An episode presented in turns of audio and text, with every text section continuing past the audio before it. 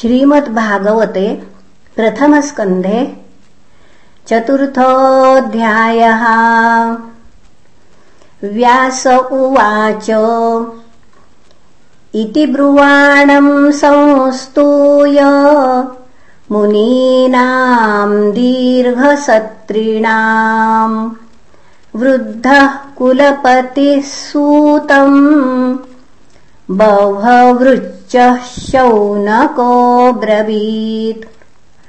शौनक उवाच सूत सूत महाभाग वदनो वदताम् व कथाम् भागवतीम् पुण्याम् यदाह भगवान् शुकः कस्मिन् युगे प्रवृत्तेयम् स्थाने वा केन हेतुना?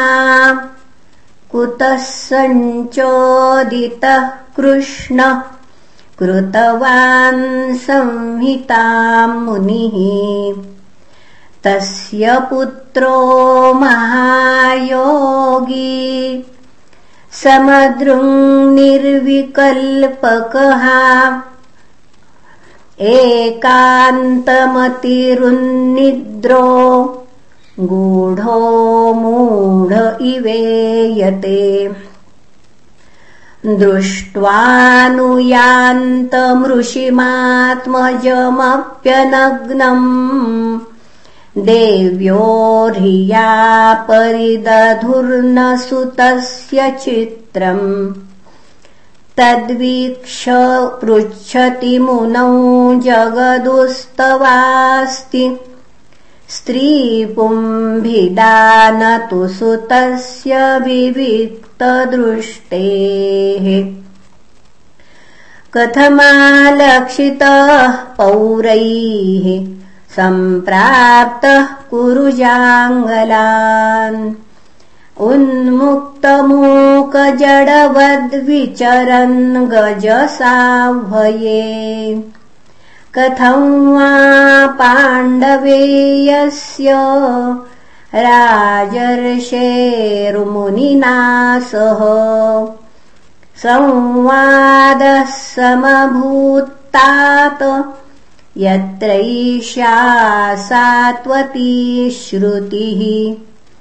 स गोदोहनमात्रम् हि गृहेषु गृहमेधिनाम्। अवेक्षते महाभागस्तीर्थी कुर्वंस्तदाश्रमम् अभिमन्युसुतम् सूत प्राहुर्भागवतोत्तमम्। तस्य जन्म महाश्चर्यम्। कर्माणि च गृह्णीहिनः स सम्राट्कस्य वा हेतो पाण्डूनाम् मानवर्धनः प्रायोपविष्टो गङ्गाया मनादृत्याधिराट् श्रियम् नमन्ति यत्पादनिकेतमात्मनः शिवाय हानीयधनानि शत्रवः कथं सवीरः श्रियमङ्गदुस्त्यजाम्? युवैशतो स्रष्टुमहो सहासुभिः। शिवाय लोकस्य भवाय भूतये। य उत्तमश्लोकपरायणा जनाः जीवन्ति नात्मार्थमसौ पराश्रयम्। मुमोच निर्विद्य कुतः कलेवरम्। तत्सर्वम् नः समाचक्ष्वो पृष्टो यदिह किञ्चन मन्ये त्वाम् विषये वाचाम् स्नातमन्यत्र छान्दसात्। सूत उवाच द्वापरे समनुप्राप्ते तृतीये युगपर्यये जातः पराशराद्योगी। वासव्याम् कलया हरेः। स कदाचित् सरस्वत्या उपस्पृश्य जलम् शुचिः।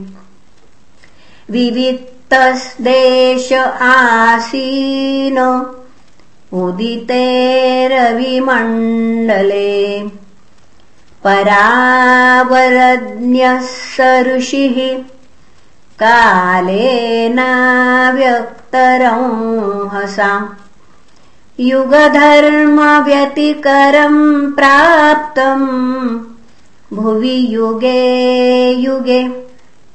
भौतिकानाम् च भावानाम् शक्तिर्हासम् च तत्कृतम्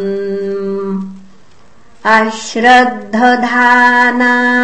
सत्त्वान् दुर्मेधान् रसितायुषः दुर्भगांश्च जनान्वीक्ष मुनिर्दिव्येन चक्षुषा सर्ववर्णाश्रमाणाम् यद्धध्यो हितममोघदृक्।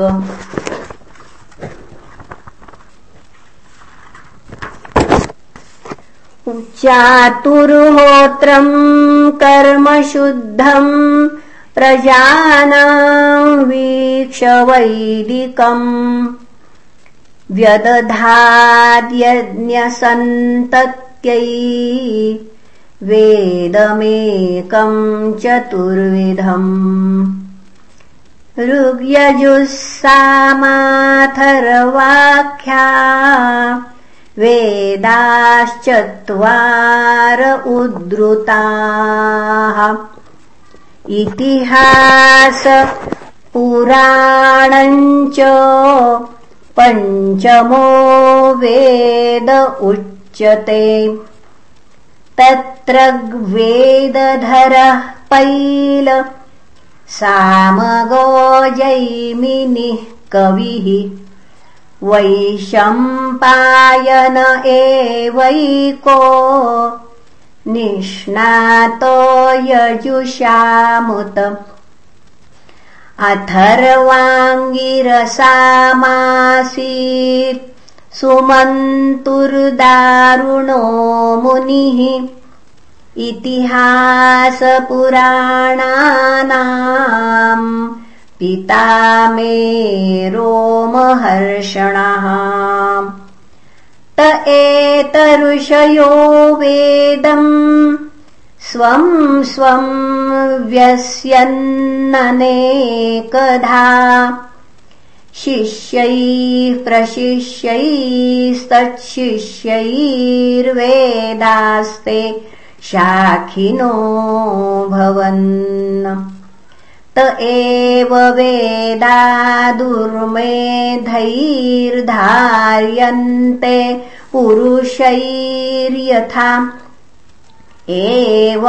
चकार भगवान् व्यासः कृपणवत्सलः। स्त्रीशूद्रद्विजबन्धूनाम् त्रयी न श्रुतिगोचरा। कर्म श्रेयसि मूढानाम् श्रेय एवम् भवेदिह। इति भारतमाख्यानम्। कृपया मुनिना कृतम्।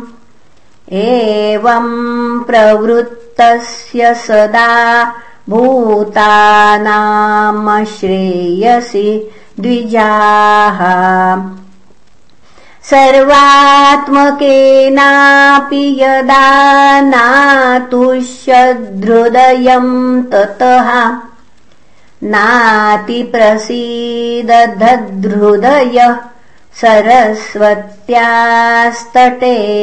शुचौ वितर्कयन् विवित्तस्थ इदम् प्रोवाच धर्मवित् धृतव्रतेन हि मया छन्दांसि गुरवोऽग्नयः मानिता निर्व्यलीकेन गृहीतम् चानुशासनम्। भारतव्यपदेशेन ह्याम्नायार्थश्च दर्शितः। दृश्यते यत्र धर्मादि स्त्रीशूद्रादिभिरप्युत तथापि बत मे दैहो। ह्यात्मा चैवात्मना विभुः असम्पन्न इवा भाति।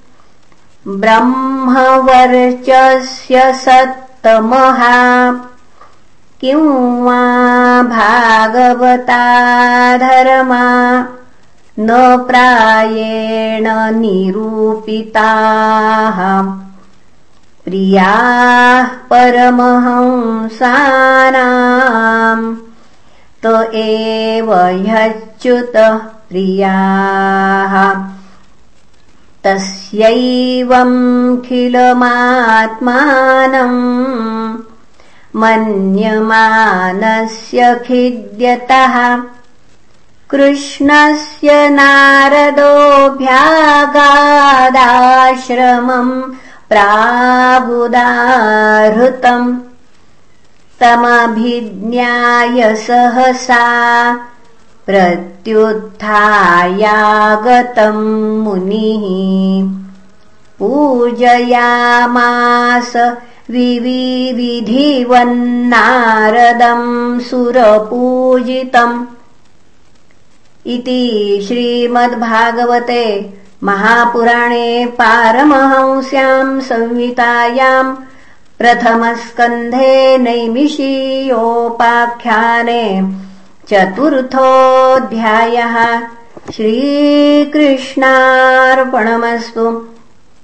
हरये नमः हरये नमः हरये नमः